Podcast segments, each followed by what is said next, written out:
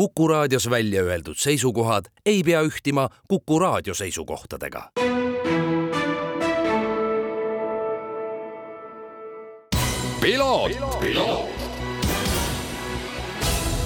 tervist, head Kuku raadio kuulajad, eetris on saade Piloot ja stuudios saatejuht Margus Kiiver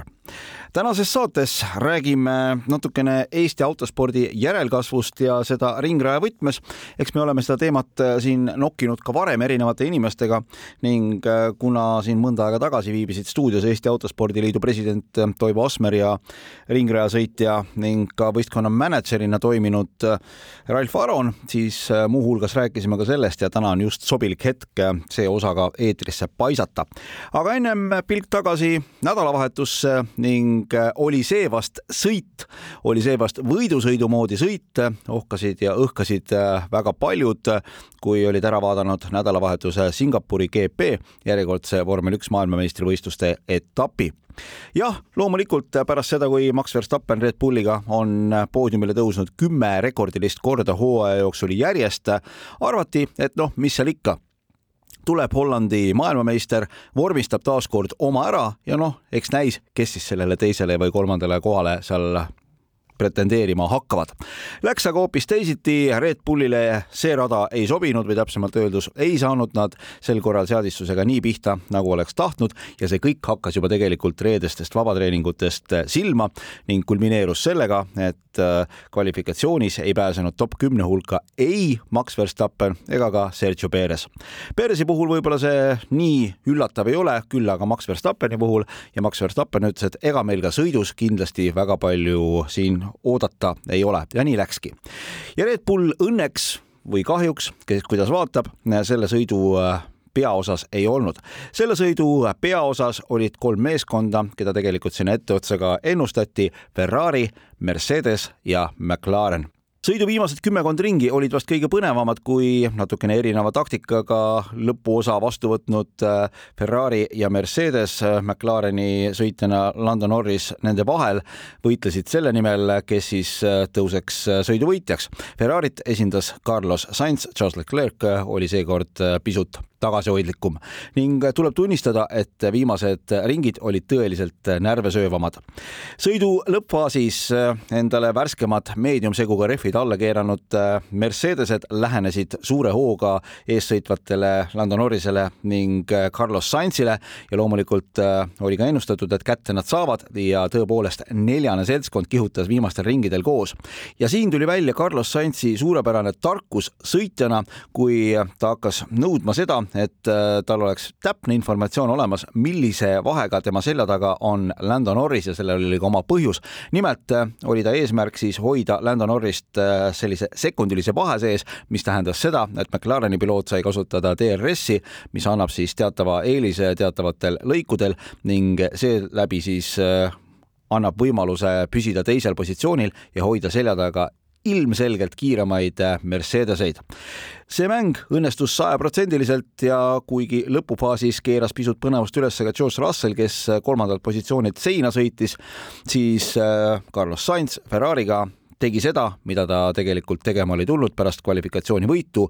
juhtis, vedas ja valitses seda võidusõitu ning võitis seda Lando Norrise ning Lewis Hamiltoni ees. Max Verstappen tuleb tunnistada, sai sõidu viimases osas oma keskmise seguga rehvidega kenasti hakkama, tõstis kiirust äh, ning lõpetas lõpuks äh, viiendal positsioonil Charles Leclerc'i selja taga, nii et äh, üsnagi põnev võidusõit. no loomulikult maailmameistrivõistluste üldseisu see suures plaanis väga palju ei muuda. Max Verstappen juhib endiselt mäekõrguselt, üks asi Red Bullil muidugi aia taha läks, nimelt oli neil võimalus tootjate maailmameistritiitel kindlustada Singapuri etapil, aga need särgid pakiti ilmselt uuesti kastidesse tagasi ja liiguvad edasi juba siis äh, Jaapanisse Suzukasse, kus äh, toimub järgmine etapp ning sellel rajal ennustatakse taas kord Red Bulli ülemvõimu ja nüüd siit edasi tänase intervjuuga, mis on siis äh, lõik juba varem salvestatud jutuajamisest võidusõitja Ralf Aroni ning Eesti Autospordiliidu presidendi Toivo Asmeriga ja teemaks siis Eesti ringrajaspordi tulevik, seda eeskätt Eestis, aga kindlasti otsapidi ka rahvusvahelisel tasemel ja esimesena sai sõna Toivo Asmer. Nojah, mina olen mitmeid aastaid rääkinud sellest, et peale karti peab olema oma vormelisari. Ja kui me võtame täna ütleme Itaalia, Saksamaa tipp, kõige värskemad vormelimudelid, mis välja tulevad, võib-olla nende soetamine on raske, aga väga palju on nii-öelda vabal turul neid nii-öelda second-hand vormeleid, mis on ka täiesti uued, võib öelda meie jaoks, et osta neid kokku ja käivitada see vormel neli sari, mis oleks siis olema äh, Skandinaavia ja Baltimaad, see oleks see number üks. Ja see on võimalik teha, sest just laupäeval rääkisime Soome Autospordiliidu juhtidega, et, et kuidas see võiks teoks saada, et, et Soomes oli seal härra Koilanen äh,, Marko Koilanen, kellel olid need autod, need olid juba hästi vanad ja need müüdi ka maha, võib-olla ongi õige, et liiga vanaks läksid kätte. et äh, käivitada mingi uus variant, meil on olemas Lätis, meil on olemas juba Leedus, on olemas inimesed, kes oleks seal nõus võtma nagu jämeda otsa enda kätte, et seda koos teha. võib-olla number üks küsimus on, et et kes need vormelid nüüd siis ostaks, kas ostaks siis, kujutame ette näiteks, et ähm, et äh, Ralfi pere ostab need kõik kokku, hakkab neid siis kuidagimoodi rentima või on see võib-olla Urmas Sõõrumaa, kes teeb niisuguse panuse, see oleks temal nagu äriprojekt olemas, tegelikult võidusõit on ikkagi äri kokkuvõttes. Et keegi peaks ostma need vormelid ja neid huvilisi on olemas. nüüd veel üks äh, punkt, mis on olnud alati hästi valulik, et kui ma räägin noore kardisõitja isaga, ta tahaks kardi pealt minna juba üle, aga ei ole õieti kuhugi minna, siis küsib, mitu sõitu aastas on? no me ütleme, noor ingral, et kui te hakkate sõitma, siiamaani oli võimalus kolm võistlust hooajal, see ei ole mingi koormus. nüüd läbirääkimisel soomlastega me jõudsime sinnamaani, et me saaksime teha vähemalt üheksa kuni kümme etappi, sest et Soome meistrivõistluste etappidega koos me teeksime kõik äh, vormelietapid ka siis on Patsi etapid ehk see Baltic Touring Car etapid. Ja kui me võtame siis veel selle Estonia Grand Prix, siis tulebki kokku juba üksteist sõitu. Ja kui me pakume välja üksteist etappi ja sellised masinad on ja selliste riikide äh, sisene ja ülene konkurents tuleb, siis see asi kannab juba, et ainult autod ja kolm võistlust ei kanna üldse et see oli siiamaani nagu suur probleem, et keegi just nagu ei tahtnud, noh, ega me Soomes ka ikka ei tee nii palju, ega me Patsis ka ikkagi nii palju ei tee. aga me läheme täna just Martin Miilbergiga peale seda intervjuud, sõidame ka Pärnusse nõupidamisel Patsiga, nende juhtidega, et siit edasi liikuda, aga, aga nii nagu sa, Margus, juba ütlesid, et see on niisugune probleem, et mis tühjus valitseb, siis kardi ja selle absoluutselt maailma tipu vahel, kuhu tahetakse jõuda, kuhu ka Ralf jõudis ja praegu Paul on ja, ja seal võib-olla ka ja ütleme, Jüri Vips ja, ja veel keegi. et see on nagu jah, see, see tühimik, mis on vaja täita. Ralf, kuidas sulle äh, üldse nagu see teemaarendus ja, ja tegelikult ka Toivo esitatud teooria tundub? jah, no kui ma võtan ka nagu lapsevanema pilgust või, või kuidas mina üldse kunagi vormelitesse sattusin, et kui ma karti sõitsin, siis okei okay,, me sõitsime Euroopas ka kõrgel tasemel ja nii edasi, aga see ei olnud ikkagi, eesmärk ei olnud, et nüüd must tuleb professionaalne sportlane, vaid see oli ikkagi selline kõrgel tasemel hobi, ütleme nii. ja mis siis oligi, et kui tase hakkas tõusma ja küsisime Euroopa tippkarditiimidelt, et palju maksab hooaeg, siis need summad, mis me saime, olid väga kõrged ja siis äh, Marek isa ajas Scuderia Nordica tiimi, siis rääkisime temaga, et noh, et palju maksaks, kui sõidame vormeliga siin Soomes ja Põhja-Euroopas ja summa oli sama. ja siis oligi lihtne, et nagu mul oli okei okay,, tugev hobi,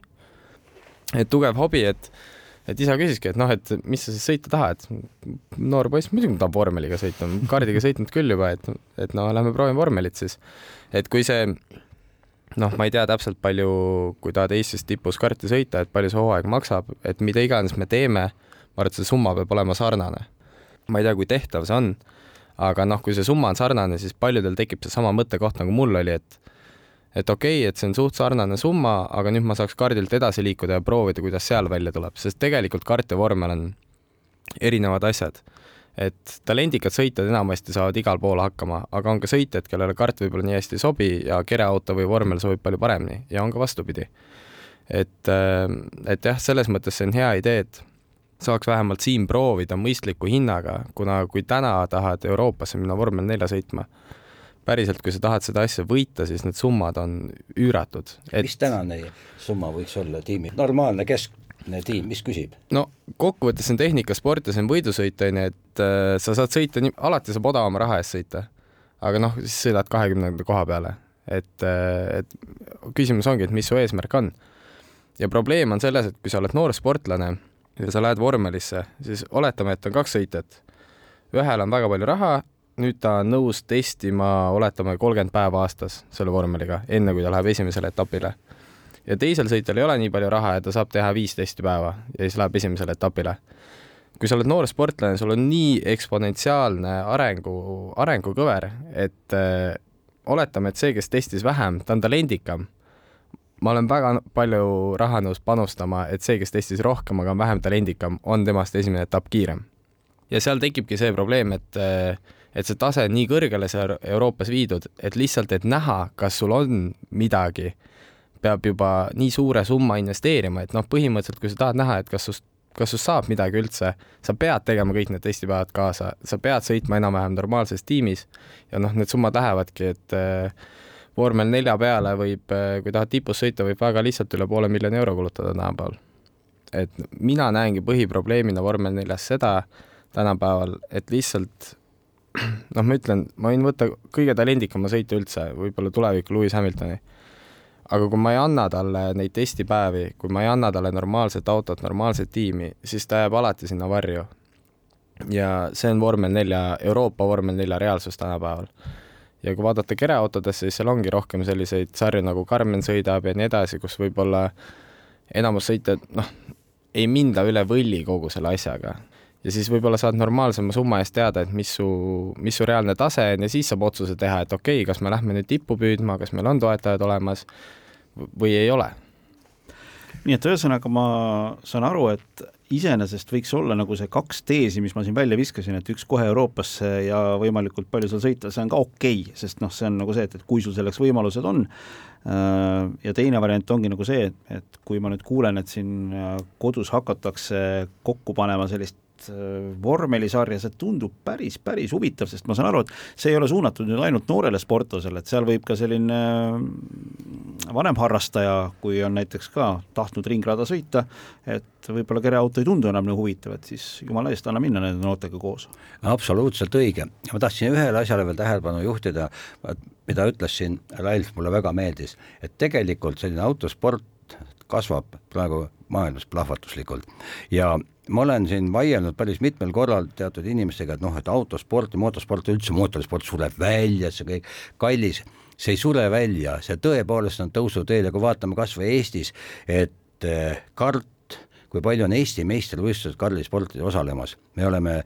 vist enam-vähem siin kõigi aegade tipus, välja arvatud Nõukogude Liidu aeg, kus kõik oli tasuta, eks ole, aga siis oli, kas see tase oli hoopis teistsugune. et meil on väga palju sõitjaid ja väga palju tuleb juurde kogu aeg, väga paljud sõidavadki nüüd juba äh, välisriikides, kellel on ka rohkem võimalusi. Ja nüüd äh, teine asi, et kui me räägime vormelitest, jah, et see on see kasvulava, ütleme siis meie kaardi tipud, et enne kui jõuaks siis tipp tippu vormiga Euroopas, oleks siis see enda vahemaa olema, aga tõepoolest on päris suur hulk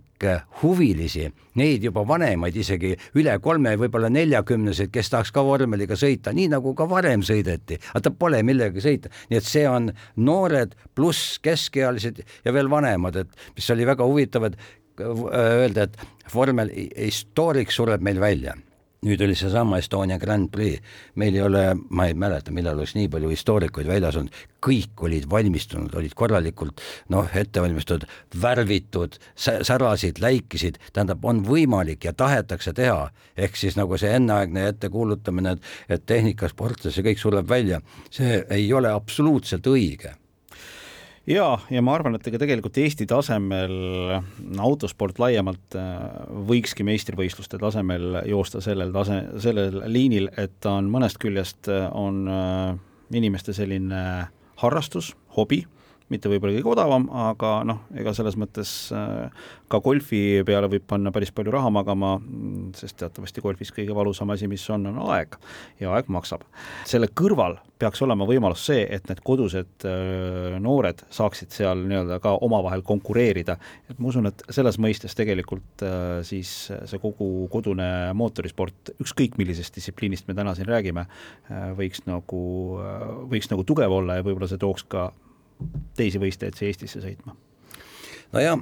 kui rääkida võib-olla laiemalt veel niisugust automotospordist üldse, et äh, selline koostöö erinevate distsipliinide vahel, me räägime täna kõige rohkem siin ringlasõidust, aga oleme ka arutanud seda, et kas näiteks ralli Soome meistrivõistluste etappi võiks olla ka Eestis eraldi läbi viidud veel ja ja, ja võib-olla midagi, nagu me rääkisime just rootslastega koostöö, et nagu see on see, mis nagu laiemalt hakkab kõlama ja siis räägime jälle sellest kasust, mis Eesti riigile tuleb, neid turiste tuleb juurde, avastatakse Eesti ja nende kaudu avastavad jälle järgmised Eestit ja Eestit. et noh, ikka ütleme, et see Covidi periood lõi päris kõvasti sellist välissuhtlust iga kandi pealt alla, aga seda on võimalik nüüd jälle üles töötada, aga aga nagu me ütleme, sport on kultuur ja kultuur on sport ja nii ta esikäes käib, käib, on võimalik kõike teha. nii rääkisid Eesti Autospordiliidu president Toivo Asmer ning ringrajasõitja Ralf Aron. mina tänan teid kuulamast, olen saatejuht Margus Kiiver ja kohtume juba nädala pärast.